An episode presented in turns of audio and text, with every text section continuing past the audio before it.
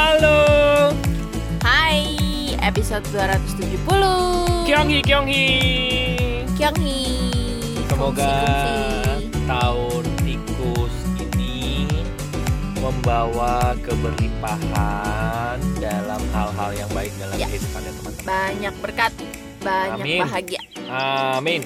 Rezeki, kesehatan, kebahagiaan, Tadi gue baca ada teman-teman yang baik dan Iya. benar Ada satu ucapan hadir semuanya ke dalam tahun ini. Ada satu ucapan yang menurut gue nggak tahu ya gue suka Apa tuh? suka ucapan itu dia bilang gini babi berjalan dengan riang gembira sambil mengibas-ngibaskan ekornya karena tugasnya telah selesai di Imlek 2570 Oke. banyak kenangan yang ada di dalamnya ada duka banyak sukanya. Mari kita mari kita syukuri kita sudah bisa bersama di Imlek 25 2570 saat waktunya untuk tikus. Tikus datang dengan gembira bercericit-cicit Dengan anggunnya berdiri di kedua kakinya seolah menandakan tikus siap mengawal Imlek 2571 Wah. mungkin karena tahun kemarin gue ngerasa iya ya bener banyak banyak sukanya banyak berkatnya banyak yang gue syukuri jadi Jadi happy ucapan lah. relate gitu. iya terus dan gue kan coba bi Dan sekarang tahunnya saya, saya datang. Gantian saya ya. Oke, oke. ya jadi ya happy ya happy happy ya Selamat tahun baru sekali lagi bagi teman-teman yang merayakan, tapi yang tidak merayakan ya diamini saja doanya lah ya. Ya. Dan doanya baik-baik gitu. betul amin Oke, kita mau ngobrolin soal gua Marusi lagi kecanduan yang sakit-sakit enak. Apa itu dan tiap hari kami melakukannya loh. Sakit-sakit enak. kami melakukannya berdua Iya. enggak sih gantian apa coba Apa itu? gue lagi coba ini mudah-mudahan bisa konsisten juga ya karena kami akhirnya Gue memutuskan untuk konsisten gue. mengkopinya gini setiap habis podcast kita lakukan Iya, atau sebelum podcast kita iya. lakukan gitu Kecuali kalau podcastnya sore, kita pagi udah lakukan gitu. kita sedang melakukan untung nggak pakai ngem depannya ya Ngempleng. kita lagi plank plank. Iya. ya dan itu olahraga sederhana tanpa Tapi alat. capek loh, ya. tapi lumayan apa ya langsung berasa ya semua Iya. badan gitu. Padahal cuma lima menitan gitu. Hmm. lima menit juga diselang. Semenit tepar. Gua- 30 detik. Oh 30 detik lagi Eh, Jadi gue pertama kali ngeliat, oh gini doang. Gaya, Begitu melakukan, ya. oh oh nggak gitu doang ternyata. dan Ari kan belum pernah sama sekali ikut dia udah lama sih nggak olahraga Mm-mm. olahraganya dia terakhir tuh gym waktu gue waktu kita baru merit coba itu kan udah 10 tahun yang lalu berenang ya begitu begitu doang ya kan Mm-mm. Nah, kalau gue masih pernah ada keselang gue ikut yoga sama emak-emak dan Dance. yoga itu juga kan gue ngerasain kan enak gitu. Nah, sakit-sakit enak gitu rasanya. Jadi gue kan, gue tuh memang udah, gue udah bilang di podcast podcast sebelumnya itu kan, gue memang dalam tahap yang harus olahraga bukan perlu olahraga lagi gitu. Nah, cuman memang gue nggak tahu kenapa gue belum mengambil sebuah keputusan komitmen untuk melakukan olahraga gitu ya. Karena memang gue anak rumahan mungkin ya seneng gue ada di rumah. Sampai akhirnya Rusi kasih tahu gue kasih lihat ke gue eh beberapa gerakan yang mungkin kita cuman perlu waktu 5 menit aja tapi itu udah olahraga gitu kan. Nah gue begitu lihat gue pikir oke gue putusin nih gue mau komitmen selayaknya gue buat podcast gitu. Tiap hari gue mau lakukan eh, hal ini gitu. Bahkan kalau bisa sehari dua kali deh gitu tapi paling nggak setiap hari sekali gue pasti akan lakukan gitu. Nah gue cuman berpikir dalam pikiran gue tuh gini. Terus terang salah satu eh, buku Be Obsessed itu sangat merubah sudut pandang gue gitu. Hmm. gue tuh bener-bener eh, sekarang tuh terobsesi dengan em, keseimbangan hidup gitu ya. Gue terobsesi dengan kerjaan gue dengan bisnis gue terus sebenarnya bukan terobsesi dengan bisnis sih.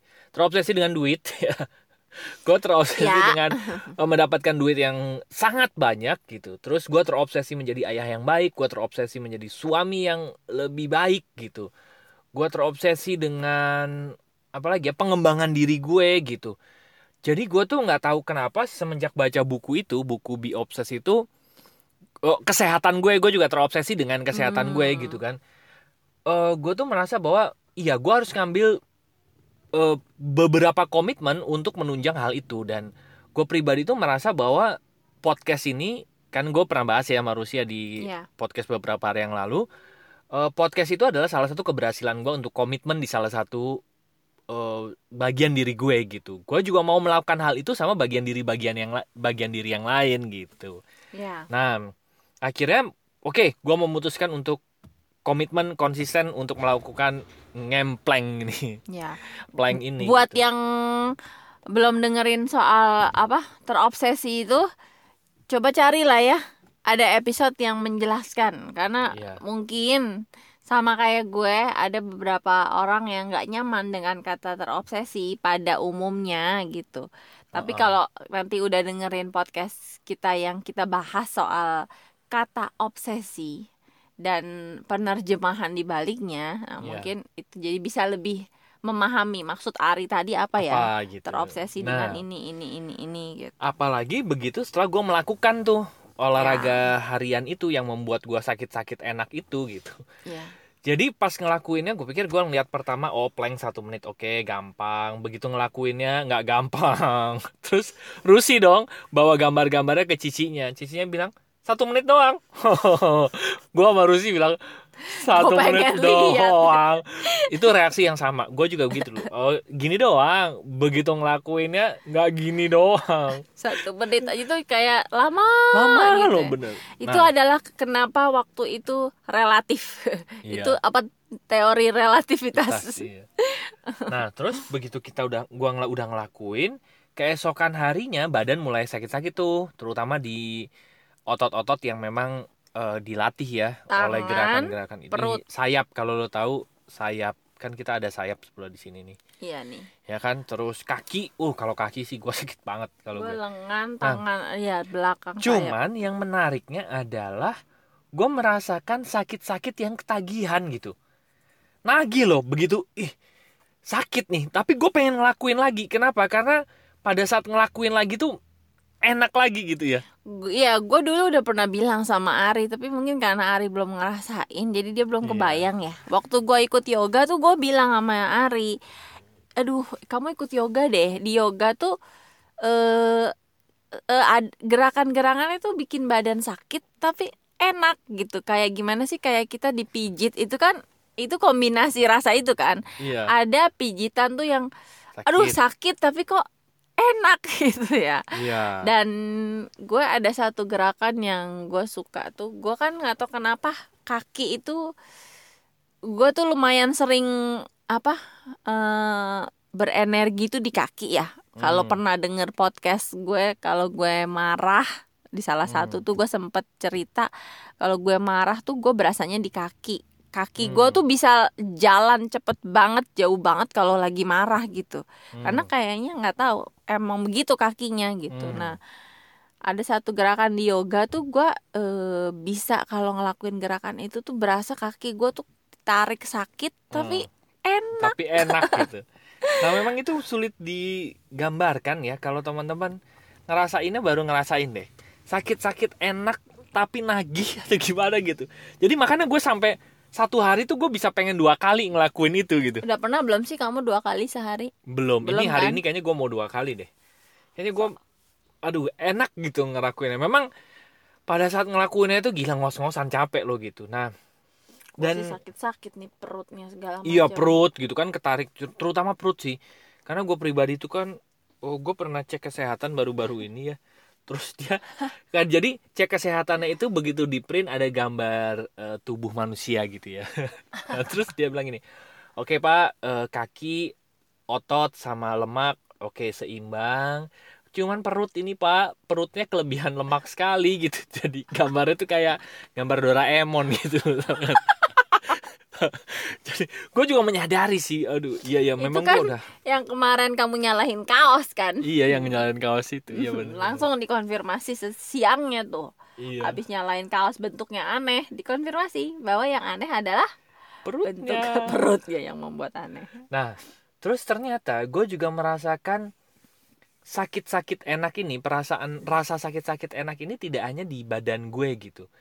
Jadi nggak hanya secara fisik nggak hanya secara gitu ya. fisik. Jadi begitu gue baca buku Be Obsessed itu memang gue kan eh, terobsesi dengan banyak bidang gitu ya.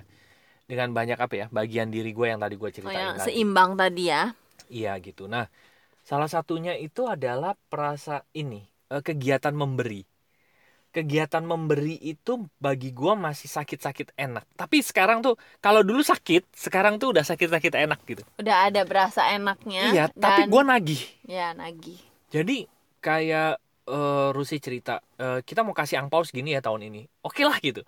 Terus pada saat ngelakuinnya itu gue tahu ada peras ada bagian diri bagian diri gue yang belum rela.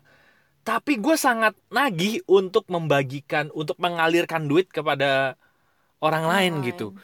Jadi bener-bener nih kalau eh, sampai kemarin Rosi cerita, eh ini ada temen mau pinjem duit gitu, gimana? Gue pikir ya nanti kasih lah gitu. Jadi gue nggak tahu kenapa, tapi perasaan itu sakit-sakit enak dalam memberi itu gue lagi rasain nih gitu. Hmm. Dan itu nagih buat gue sekarang gitu. Jadi sama kayak fisik gue ini ya tadi ya, sama kayak olahraga tadi gitu. ya Nah, ada satu lagi yang membuat gue ketagihan adalah gini. Gue baru baca berita eh, Gojek ya. Oke. Gojek itu eh, ini dalam hal bisnis ya. Jadi gue punya tiga hal sakit-sakit enak yang sekarang gue lagi nikmati Hmm. gitu. Yang ketiga itu soal bisnis. Jadi gue pribadi sekarang lagi membangun bisnis eh, consumer based business lah kita sebutnya. Tinggal lo membangun seberapa besar customer base lo. Kalau customer base lo udah besar ya lo bisa nikmati hasilnya. Kita bisa nikmati passive income-nya gitu. Nah, gue belajar dari Gojek. Gojek itu sudah di-download kalau di Play Store 50 juta kali Oke. ya kan kurang lebih dari download dari 50 juta downloadan itu gua nggak tahu yang di App Store ya yang di eh, iOS ya Uh-uh. pasti ada juga kan nah kurang lebih dari total downloadan itu di Indonesia Gojek itu per hari itu membukukan 3 juta transaksi per hari Hmm. atau 34 transaksi per detik Wah, itu Wow. kan luar biasa ya lo bayangin lo punya bisnis tiap detik ada 34 orderan yang masuk gitu ya Ya. tiap detik nih tek Tiap detik tek tuh ya kayak gitu tuh 34 68 iya berapa gitu ya. Gila banget ya. Nah, cuman 30 detik ya 30 transaksi per detik itu bisa dibukukan, bisa dilakukan karena dia punya customer base yang gede banget gitu kan. Dari Play Hmm. Store aja ada 50 juta unduhan. Gua nggak tahu yang di eh, App Store gitu ya. Nah, gue baca artikel kemarin, Nadiem Makarim itu dulu membangun Gojek mulai dari dia presentasi tukang-tukang ojek di sekitar lingkungannya. Gue pikir gila ya, dia mempresentasikan ini loh, ini bakal ini aplikasi ini bakal booming bahkan dulu belum aplikasi masih telepon katanya Ah. gitu kan gue cuma pikir gila dia nih sabar banget ya Iya. membangun customer base-nya gitu Benar. dia eh, di berita itu dibilang bahwa dulu Nadi memulai dari 20 mitra 20 tukang ojek gitu kan. Sampai sekarang ada 2 juta yang terdaftar. Gila kan? Dari 20 jadi 2 juta. Gue cuma berpikir bahwa iya ya bener. Membangun customer base itu bener-bener it's only a number game gitu. Hmm. bener-bener ini permainan angka aja. Nggak perlu baper gitu. Ya. Nah, sampai akhirnya gue sama nih yang ketiga, gue merasakan sakit-sakit enak dalam gue membangun customer base gue di bisnis gue ini gitu. Jadi gue cerita ide gue ke orang, orang nggak ngerespon, it's okay buat gue gitu. Ya ada perasaan sakit, tapi gue nagih untuk ngelakuinnya lagi gitu. Hmm, di situ sakit-sakit enaknya ya. Iya sakit-sakit enaknya gue rasain juga tuh di perasaan gue gitu. Oke. Eh, terus gue cerita ke orang terus dia mau itu pun gue happy gitu tapi gue terus terang sangat terobsesi dengan angka yang begitu besar gitu dengan angka Hmm. besar yang angka besar customer base itu ya Iya. gitu. Dan wah itu gue bener-bener nikmati banget gitu. Gue satu hari sekarang gue bisa cerita satu eh, satu sesi dua sesi gitu ya dengan audiens mungkin 3 sampai 10 orang. Tapi gue sangat menikmati orang nggak mau pun it's okay it's only number game gitu. Iya. terus kalau dia eh, gue kontak terus dia nggak respon ya it's okay juga gitu. Tapi gue menikmati gitu perasaan sakit-sakit enak itu gitu Karena biasanya ya gue nggak tahu deh ini fenomena apa eh, sakit-sakit enak ini. Karena seingat gue dulu kita itu lebih seneng yang enak-enak enak gitu. iya bukan sakit-sakit enak ya. Bukan sakit-sakit enak. Kalau bisa kita hindarin nih yang nggak enak nggak enak, yang sakit-sakitnya gitu. Betul. Tapi ternyata memang apa ya? Mungkin gue sama Ari sama-sama belajar ya bahwa proses apa ya? Proses itu sesuatu yang eh, naturalnya memang betul, begitu. betul Dan mungkin karena kita punya motivasi yang Iya. besar, bener kita jadi bisa menikmati, Menikmati, kan? enaknya di Iya, balik bener. sakit-sakit yang Betul. harus dialami gitu. Jadi oh iya ya, dulu mungkin kita akan menghindari itu, tapi Betul. sekarang gue udah belajar juga beberapa tahun belakangan gitu. nggak ada jalan yang instan, nggak ada jalan Betul. yang cepet bener gitu. bener Yang ada jalan yang kita pikir cepet itu malah bikin kita muter-muter dan lebih lebih terjerumus lebih, dalam Lebih lagi gitu ya sakit iya gitu. betul betul dan pada akhirnya jalan yang kelihatannya ya memang perlu nggak nyaman lah ya Mm-mm. tapi ternyata ya itu ketika kita bisa apa ya eh, melaluinya. Iya betul. Dan melihat ya bahwa memang itu begitu prosesnya ya ternyata ada rasa enak gitu di baliknya. Bener di balik Dan- sakitnya itu pun iya, juga enak makanya ya gitu. sakit-sakit enak itu bikin lagi apalagi kalau kita tahu tujuannya betul. eh, apa itu sesuatu yang kita inginkan dan Bener. apa kita akan mencapai gitu. Jadi kan kayak banyak booster ya. Bener. Pas prosesnya pun kita udah bisa nikmati ngerasain iya ada enaknya, enaknya betul kita tahu tujuannya itu yang memang yang kita mau apalagi nanti udah kesampaian kayaknya wah eh, double triple gitu kan jadinya bener, ya. bener. kayak eh, dulu kan sering ada eh, kata-kata motivasi itu bilang nikmati prosesnya gitu ya kita Dulu baru kupikir- bisa ngerti ya iya apanya yang bisa dinikmati sih namanya juga lagi sakit gitu ya tapi gue ngerasain loh sekarang sakit-sakit enak itu mungkin eh, kalimat yang pas gitu ya iya cuma dan juga uh-uh. gue pribadi gini ya gue sampai membayangin gini sampai hari ini podcast kan berarti ada 270 episode. Ini kan episode 270 kan? Ya. Gue ngebayangin kayak Rusi tadi cerita gila gue kalau gue ngelakuin nih olahraga yang tadi aja tiap hari 270 hari gue yakin badan gue six pack. Perut lah yang six iya pack. perut gue six pack gitu. Terus perut gue six pack badan gue proporsional gitu. Oh. 270 hari loh gue ngelakuin hal itu gitu konsisten. Au, au, au. apaan sih? Ya ya ya ya Iya, karena 270 hari podcast itu kan sebuah pencapaian kan buat kehidupan kita juga kan. gitu terus ya, nanti kalau itu udah terjadi kira-kira kamu bakal sel- bakal selfie dengan ngangkat kaos nggak? Kan orang suka begitu ya Iya. posenya ya. Kalau udah perut ke rata six pack itu nggak tahu gimana ada aja alasan buat ngangkat kaos. Nanti kamu yang angkat. oh ya udah nggak usah dipoto lah kalau itu Ah, terus kamu ngomong apa tadi? Iya, gue cuma mau bilang gini. Cuma entah kenapa gini loh. Salah satu yang bikin kita dulu mungkin males ya atau menghindari prosesnya Hmm. itu karena kadang-kadang juga proses ini digambarkan berlebihan. Iya, lebay ya, dramatis Heeh, ya. Jadi Iya, iya, iya. banyak orang bilang perjuangan berdarah-darah, Mm-mm. Terus wah bercucuran keringat dan air mata. Kita nggak mau yang begitu juga gitu. Betul betul. dan setelah kita tahu oh yang yang kita mau ini gitu loh dan kita sebenarnya bisa mencapainya dengan cara yang sebenarnya relatif nyaman Enak, kok oh, Iya, gitu betul. jadi nggak harus yang sesakit sakit itu juga gitu Bener. ada rasa sakit pasti iya Betul. tapi sakitnya itu Ternyata bisa dinikmati iya ya kan, bener. gitu. Dulu gua ngebayanginnya kenapa gua terus menghindari proses yang menyakitkan. Karena gue pikir gila amit-amit lah gue nggak mau kalau kayak gitu. Misalnya kalau jadi orang sukses harus mengorbankan ini ah, mengorbankan itu kayaknya gue mendingan nggak usah gitu. Rasanya kayak yang di Avenger batu apa tuh? batu apa jiwa soul, soul stone, ya itu ya. kayaknya berasanya gitu amat ya iya dan ternyata kan enggak gitu bahwa gue Hmm. melihat oh iya ya bisnis itu bisa dibangun dengan tetap kenikmatan hubungan Iya, sehat, betul. tetap dengan waktu yang bisa diatur. Memang ada rasa nggak nyaman, tapi ya itu nggak nyaman itu sesuatu yang bisa dinikmati gitu. bener Jadi kadang-kadang gue merasa nggak tahu ya omongan orang itu juga kadang-kadang mungkin bikin pikiran kita tuh yang yang dulu juga pernah kita bahas pikiran kita itu kreatif dalam melebaikan sesuatu. Iya. Jadi udah nggak bayangin dulu, aduh gila, kayaknya gue nggak bisa kalau kayak gitu. Padahal udahlah jalanin aja gitu. Mm-mm. Prosesnya bisa kok dinikmati gitu. bener bahkan sakitnya pun bisa dinikmati Iya, dan yang dan lebih- nagih gitu Iya, benar. Dan lagi ya apalagi ya itu itu untuk sesuatu yang kita mau udah jalanin Betul. gitu.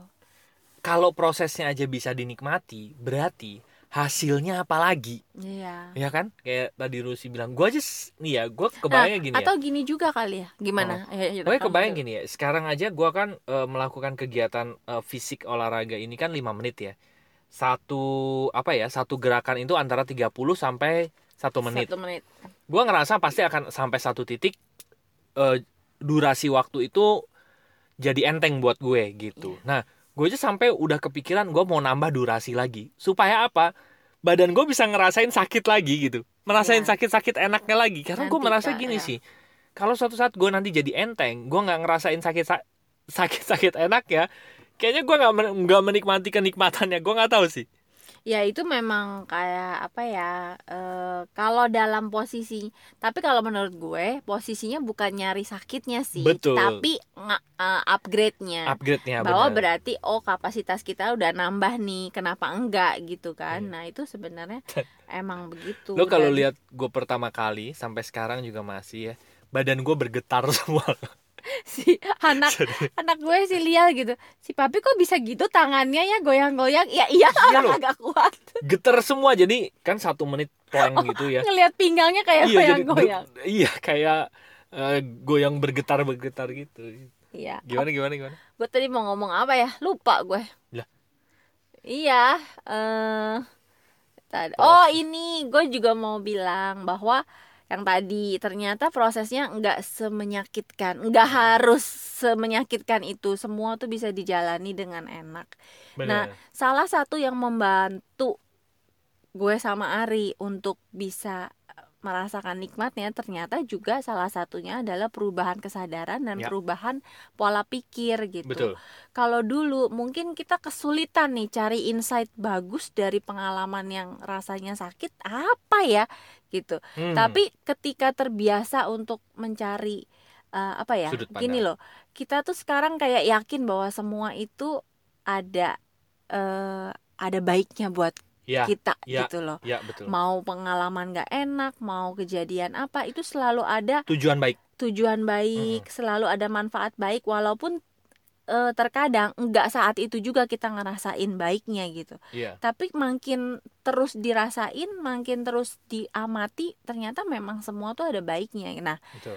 eh, kebiasaan untuk berpikir baik ini akhirnya mungkin yang membuat kita juga akhirnya bisa menikmati proses yang Iya. tadinya kita menghindari yang sakit, sekarang kita jadi berani gitu Iya. berani mengalami proses yang kelihatannya sakit ya udah deh nggak apa-apa karena itu memang jalan untuk menuju tujuan ternyata begitu dijalanin dengan tadi kebiasaan berpikir eh, mencari insight mencari yang baik ternyata kita akhirnya menemukan oh yang Hmm. yang kita kira sakit ternyata nggak sesakit itu Betul. bahkan ada enaknya Betul. gitu jadi mungkin kombinasi ya dari eh, pelajaran-pelajaran yang kita Mm-mm. dapet gitu ya salah duanya itu apa eh, yang pertama tadi ternyata jalanin aja itu paling benar Benar. karena kadang-kadang sesuatu itu tidak se ekstra yang di pikiran kita sama yang kedua kebiasaan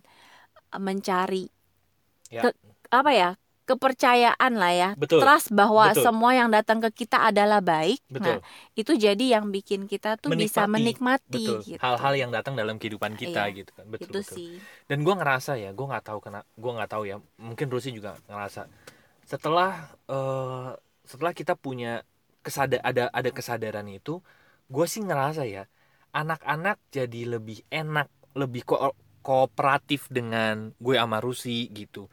Iya. gue ngerasa sekarang ya gue ngerasa gue sangat merasa malah bahwa kehidupan gue tuh sekarang menyenangkan sekali. Amin, puji Tuhan. Eh gue ngerasa istri gue asik banget gitu terus anak-anak waduh bukan hot sampai lepuh ya Jangan dong. Enggak, pokoknya enak banget. Terus Anak-anak anak-anak tuh kayaknya gue bisa berkomunikasi enak sama anak-anak gue gitu ya, bisa makin membangun. deket. Iya, gue gue ngerasa kok gue makin dekat sama anak-anak gue gitu. Eh, nyaman gitu perasaannya dan gue eh, apa namanya kata Rusi tadi kemungkinan besar ini terjadi karena perubahan kesadaran perubahan kesadaran eh, gue pribadi gitu. Jadi Iya. gue pribadi sih ya eh kalau dulu gue punya sampai sekarang gue masih seneng banget berbagi tentang gerakan pasif income itu nyata gitu. Mm-mm. kayaknya kita buat aja gerakan sakit-sakit enak. Oh iya ya. ya kan? Gerakan sakit-sakit enak ini nanti kita bisa ini loh olahraga bareng ya kan? Terus cerita gitu. Terutama olahraga nih gue gua nggak tahu kenapa gue udah mulai terobsesi dengan eh, olahraga ini gitu. Ya, bagus lah. Karena gue tuh sebenarnya udah lama pengen gitu. Tapi kalau sendiri itu biasanya hasilnya nggak maksimal. Karena kan berarti kan ada waktu-waktu yang gue pengen olahraga. Tapi kalau Ari pengennya lain biasanya akhirnya ya udah gitu kan ketutup. Makanya gue bilang kayaknya harus berdua deh. Jadi biar nggak ada yang udah tahu waktunya olahraga kalau dia milih kerjaan ya berarti kan gue harus ikutin kerjaan kan tapi kalau berdua milih olahraga ya berarti kan memang waktunya olahraga Bener, tapi mulai mulai gua sama Rusi memutuskan untuk ini ya eh, olahraga ini, dia bisa loh. Misalnya gua masih tidur pagi-pagi, dia olahraga sendiri. Tadi pagi tuh kamu olahraga sendiri kan? Iya sih Gitu. Walaupun memang lebih enak tuh berdua. Gitu. Mungkin karena udah nemuin oh olahraga ini bisa gue lakukan Karena dulu gue tuh kebayangnya gue tuh pengen nge-gym Iya. Pengen rutin Nah itu kan harus pergi kan Harus Benar, pergi dan benar. harus sediain waktu Makanya gue ajak Ari ya udah kapan mau mulai Udah dari berapa tahun kali gue ngajak Kapan mau mulai Berenang aja yang udahan dia Waktu itu gue ada Ya, eh berenang yuk Itu kan Berenang dianya udah nggak mau ya akhirnya semua ada udah. waktunya. Gitu kan jadi nah akhirnya ketemu ini eh ternyata dianya mau dan ternyata ih ini mah maksudnya di rumah doang kan tinggal gelar matras kelar gitu Iya, jadi gue juga sama sih excitednya sama Ari gitu karena ya Iya. bener lah sakit-sakit enak Aduh, coba deh teman-teman rasain. Memang agak sulit mendeskripsikannya, tapi kalau teman-teman sakit-sakit rasain enak itu udah paling sakit-sakit enak ini.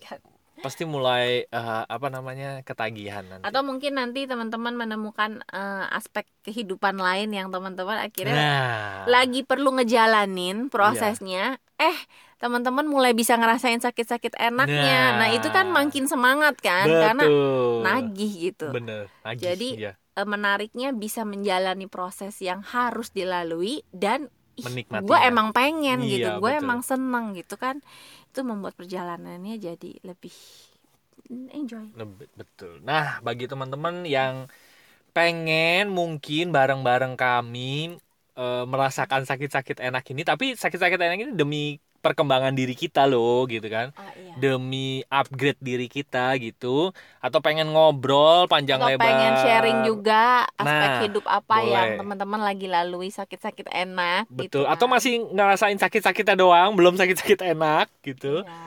Pengen ngobrol bareng kami, silahkan masuk aja ke website kami yaitu lompatanhidup.com Nanti ada tiga page di sana, ada home buat chit chat ngobrol, apa pun itu silahkan masuk aja ke page yang home. Nanti ada tombol WA di sana. Yang kedua ada konseling dan event bagi teman-teman yang ingin melakukan sesi terapi, konseling atau mengundang kami bicara di sebuah event. Silahkan masuk di page yang kedua itu dan ada bisnis. Bisnis ini bagi teman-teman yang ingin mendapatkan rekomendasi bisnis dari kami. Kalian bisnis apa sih? Mau dong bisnis bareng kalian? Mau tahu dong rekomendasi bisnisnya juga? Uh, mentoringnya juga gitu ya. Ya. silahkan masuk aja ke website kami yaitu lompatanhidup.com dan di page bisnis. Iya. Oke terima kasih sudah mendengarkan episode 270 selamat tahun baru sekali lagi Kyonghi Kyonghi dan sampai jumpa di episode berikutnya. Thank you bye bye see you